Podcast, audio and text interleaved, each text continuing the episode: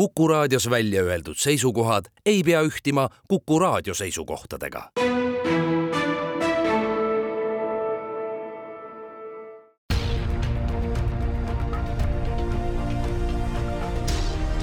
uue samba taga. Sammaste taha aitab vaadata sajaaastane eestikeelne rahvusülikool. Tere, tänane saade kutsub kaasa mõtlema ja koos tegutsema, sellepärast et sada viiskümmend teadlast on pannud käe alla ühele artiklile ja see on nüüd rahvusvahelises auväärt ajakirjas ka ilmunud, selleks ikka, et me mõtleksime rohkem, kuidas suurendada kehalist aktiivsust ning seda üheskoos ka teeksime ja mis siis täpsemalt äh, on äh, teadlastel mõttes ja hinge peal, seda tulid täna rääkima kaasprofessor Eve Unt ning professor Vahur Ööpik. juttu juhib Madis Ligi sada viiskümmend teadlast, see näitab probleemi ulatust ja probleemi tunnetust. kes siis algatas teie ühistöö? see algatus on tegelikult äh, väga pika eellooga, et äh, on olemas selline võrgustik nagu Exercises Medicine, äh, mis on saanud alguse kahe tuhande seitsmendast aastast ja, ja on olemas ka siis Euroopa Exercises Medicine Keskus või initsiatiivgrupp. Ja, ja professor Jürgen Steinaker Ulmi ülikoolist on selle teemaga siis äh, pikemat aega ka tegelenud ja väga palju kaasanud ka kolleege üle maailma, nii et, ähm, et selline initsiatiiv siis sporditeadlaste, spordiarstide ja teiste organisatsioonide poolt on siis aset leidnud. Ning teie asi on siis juhtida tähelepanu, kutsuda kaasa tulema ja kaasas olema selleks, et me seda eesmärki saavutaksime. Äh, jah, see meie eesmärk on, aga mis ma tagamaade kohta või asja alguse kohta oskan veel lisada, noh, see ei ole võib-olla kõige otsesemas seoses, aga ikkagi mulle meenub, äh, see oli aasta kaks tuhat kaks, ehk siis äh, kakskümmend üks aastat tagasi oli Maailma Spordimeditsiini Föderatsioon. selle kongress oli Budapestis ja seal oli siis väga palju markantseid esinejaid ja üks neist oli sakslane Wildor Holman, kes on noh, üks tuntumaid biokeemikuid, kes on huvi tundnud ka kehalise kasvatuse ja spordi ja inimeste kehalise aktiivsuse vastu ja mul on nii selgesti meeles, kui ta läks oma ettekandeks äh, pulti ja ütles, et äh, head kolleegid, et pange nüüd tähele, kohe ma esitlen äh, teile ravimit, mis õige kasutuse korral teeb tugevaks teie südame, parandab teie hingamisfunktsiooni millest on abi ähm, diabeetikutel nende elukvaliteedi parandamisel, teist tüüpi diabeedi vältimisel see parandab teie vereringet, aitab kontrolli all hoida vererõhku ja nii edasi ja nii edasi. kas te teate, mis, mis ravimist ma räägin? noh, isegi selles seltskonnas oli hetkeline vaikus ja siis ta ütles, et, et this is exercise ehk no see on see inglisekeelne sõna, mida eesti keelde on niisama lühidalt võib-olla raske panna, aga sisuliselt kehalisest aktiivsusest äh, oli siis tema ettekanne ja selle toimest inimese tervisele. see idee on äh, väga sarnane sellele, mis on siis nüüd hiljuti avaldatud äh, ühisartikli aluseks ka juhuslikult juhtumisi, kui me räägime saja viiekümne teadlase artiklist, eh, on sada viiskümmend ka tulnud siis WHO käest, ehk siis Maailma Terviseorganisatsioon soovitab täiskasvanutele sada viiskümmend minutit eh, või seitsekümmend viis minutit kõrge intensiivsusega liikumist nii et eh, selles mõttes käiti ühte jalga. noh, nii palju võib-olla, et, et sellised sedalaadi juhised, nagu see Maailma Terviseorganisatsiooni poolt on antud, Liidud ja mõned äh, muud erialaühendused ka avaldavad oma seisukohti selles küsimuses, et, et kui me ütleme, et inimene peaks olema kehaliselt aktiivne, et kui aktiivne ta siis peaks olema.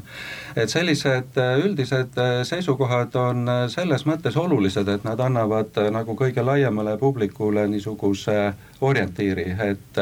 kuhu poole siis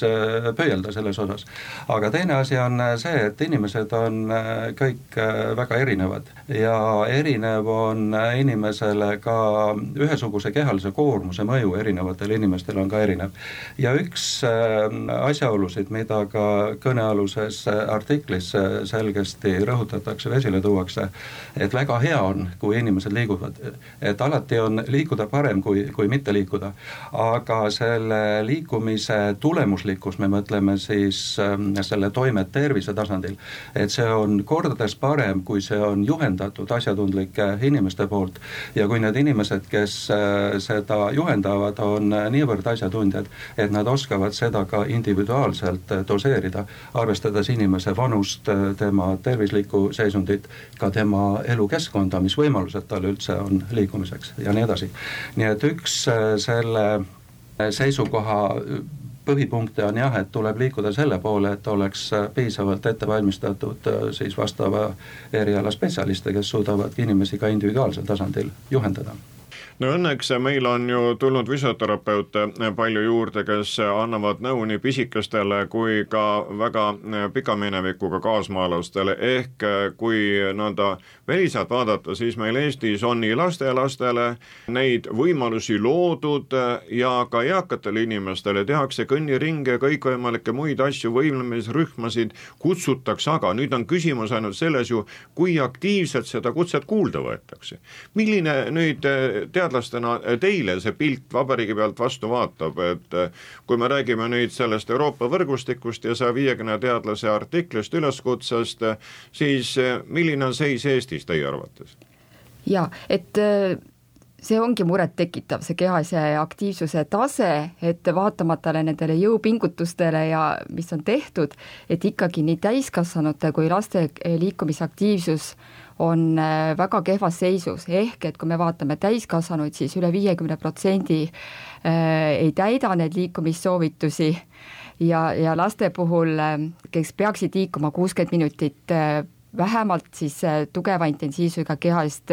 kehaliselt olema aktiivne. Päevas, siis ei täida ka väga suur osa, nii et et, et see on probleem seetõttu ka selles artiklis on eh, juhitud tähelepanu sellele, et me peaksime liikuma sellele personaalsele nõustamisele, et individualiseeritud eh, siis liikumisaktiivsuse soovitamisele. Ja seda siis igale ühele, ka kroonilistele haigetele, et seda ma tahaksin eriti rõhutada, et, et, et kehaline aktiivsus on ka krooniliste haiguste üks ravi oluline komponent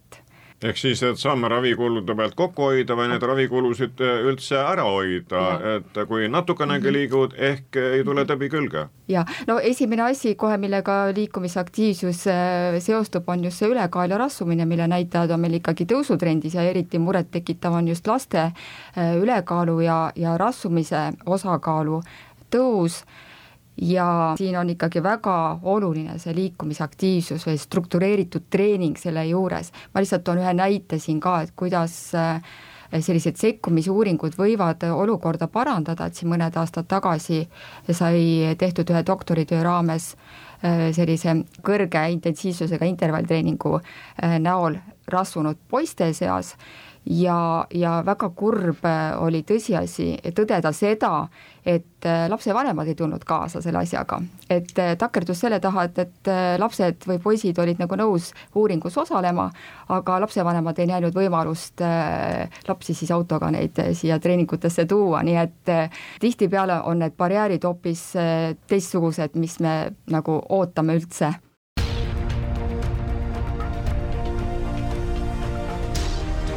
uue samba taga. sammaste taha aitab vaadata sajaaastane eestikeelne rahvusülikool ometigi, kui natukene laiemalt vabariigis ringi vaadata, siis on ju hästi palju tulnud juurde meil kõikvõimalikke matka- ja liikumisradu, neid võimalusi nagu luuakse. küsimus on ikkagi siis selles kaasatulemises. et kus kännu taga siis see tahtmine või hakkamine on või selle puudumine on, professor Epik? kui ma teaks äh, ja oskaks väga konkreetse vastuse anda, ma kardan, et siis varsti kandideeriks Nobeli preemiale. aga üldiselt äh, pilt pilt äh, maailmas tervikuna ja meil paistab ka olema, et äh, sedamööda, kui ta inimeste elukvaliteet paraneb, ehk teisisõnu, mida arenenum ühiskond, seda suurem probleem on siis saada inimesed nõnda kaugele, et nad teadvustaksid kehalise aktiivsuse tähtsust ja tähendust. et see avaldub väga selgesti selles samas, millest siin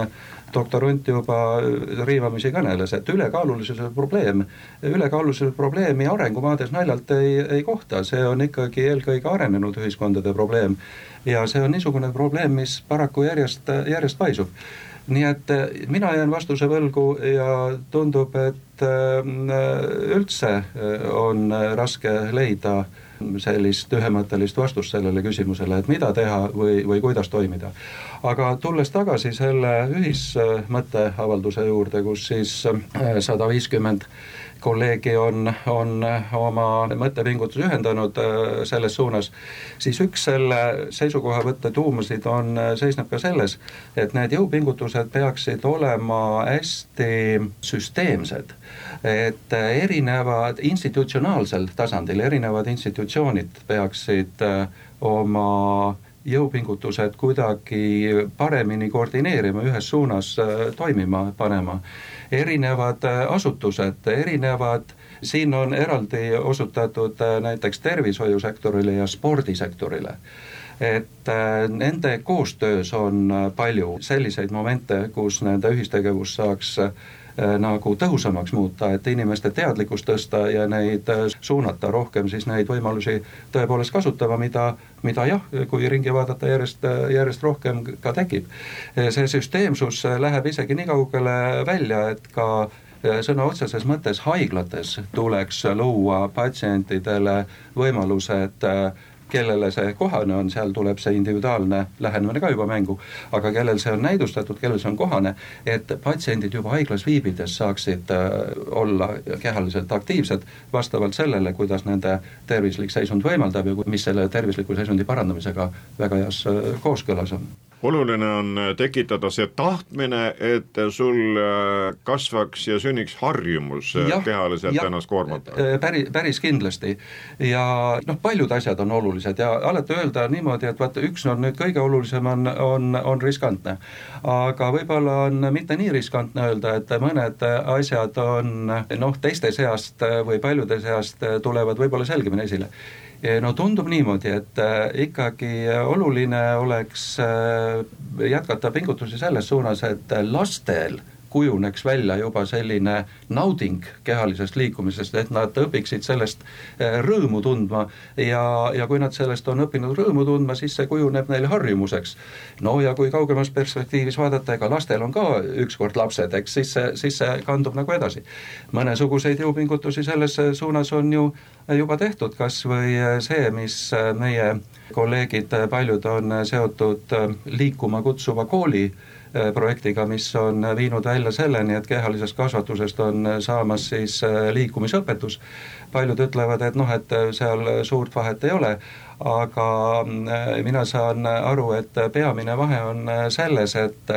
et ei rõhuta enam normidele, mitte niivõrd võistlusmomendile, mille kohta psühholoogid teavad, et paljudele lastele et see ei sobi, et püütaksegi juba kooli kehaline kasvatus korraldada niimoodi, et lapsed sellest liikumisest rõõmu tunneksid no siin võime rõõmu tunda näete vahepiste korras, et seesama ülikooli liikumislabor sai just rahvusvaheliselt pärjatud tänu ja. oma ettevõtmistele, kuid eh, me ajame juttu talvisel ajal. me peaksime norrakatest eeskuju võtma, vaata kuidas suusatavad ja on kehaliselt aktiivsed ja elavad kaasa ka teiste ponnistustele, mitte üksnes enda omadele. Eh, jah, eks eeskujusid laiast maailmast eh, ikka leiab, oskad sa öelda, Eve, kas norralased populatsiooni tasandil on kehaliselt aktiivsemad kui eestlased? Jaa, et Põhjamaad on tegelikult meist ikka kohe mhm. tükk-tükk maad ees, et nii Rootsi, Soome, Norra näitajad ma nii-öelda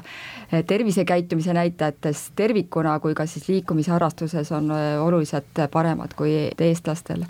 ette näidata on. et ühelt poolt jaa, ma nõustun, et see teadlikkuse tõstmine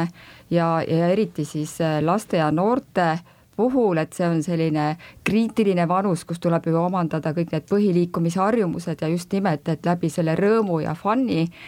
ja, ja mis loob nagu sellise eelduse, et nad ka täiskasvanuna oleksid kehaliselt aktiivsed ja sellise perekonna tasemel on see hästi oluline, et me ütleme, spordiarstina oma vastuvõttudes ju ka näeme, et, et kui tullakse oma siis sportivate lastega ja, ja võib-olla siis vanemad ei ole enam noh, olnud enam ise kehaliselt aktiivsed, siis tekib jälle selline huvi ja soov, et tulla ennast ka nagu kontrollima oma tervist ja, ja saada innustust, et, et jälle, et kuidas ma täpselt peaksin treenima, et mis ma oma tervise heaks teha saan ka läbi selle liikumise, nii et me peame seda hästi oluliseks ja meie teeme seda oma igapäevases töös kogu aeg, et me anname personaalselt liikumissoovitusi. Väga harva, kui me midagi piirame liikumise mõttes. ja, ja ma tahaksin omalt poolt veel lisada, et, et äh, selles samas artiklis või selles ühisavalduses, et ka on puudutatud seda teemat, et tervishoiusüsteemis, et kuivõrd tähtis on ka arstide roll. äh, liikumisaktiivsuse soovituste andmisel eriti esmatasandi perearstide ja pereõdede näol, nii et me ei saa võib-olla kõike alati taandada ka füsioterapeutide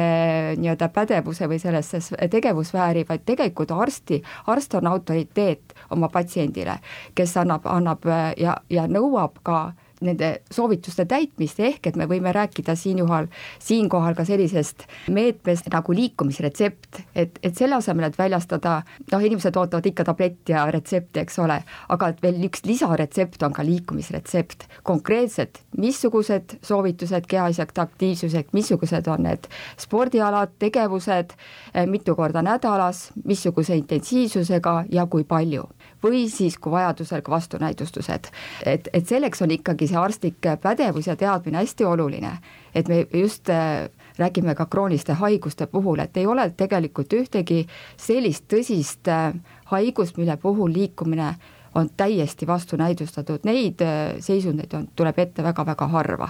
et see elukvaliteet ka krooniliste haiguste puhul on hästi oluline võtame siis jutu otsad kokku, kes peaks seda taktikeppi hoidma selleks, et see saja viiekümne teadlase üleskutse tõesti leiaks mõttearendust ja tegu tuleks taha. ehk me oleksimegi kehaliselt aktiivsemad. mida te allakirjutajatena loodate? just nimelt, et vist ennem professor Vahu Rööpiku poolt ka, et siin see koostöö, et oleks see tegevuskava, strateegia ehk et see Eesti rahvastiku tervise arengukava, et see peaks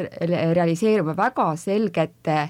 tegevuskavade, ehk et siin taga võiks olla see roheline raamat, mis on jäänud tööversiooni juba siin äh, peaaegu seitse-kaheksa aastat, et tahaks nagu näha, et siin konkreetsemaid samme. ma oskan siinkohal veel üksnes korrata, mida ma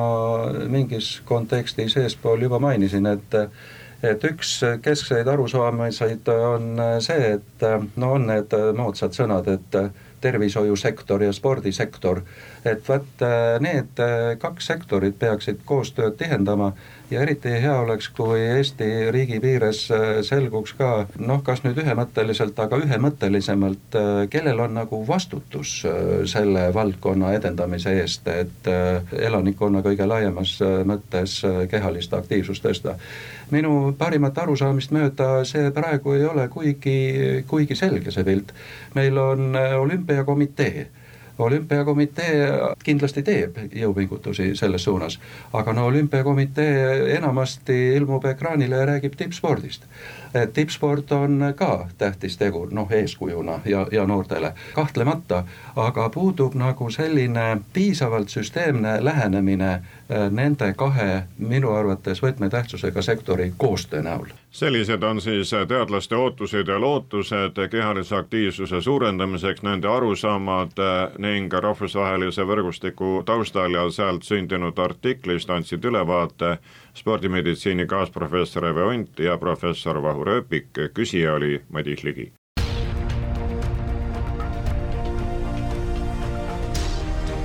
Uue samba taga. sammaste taha aitab vaadata sajaaastane eestikeelne rahvusülikool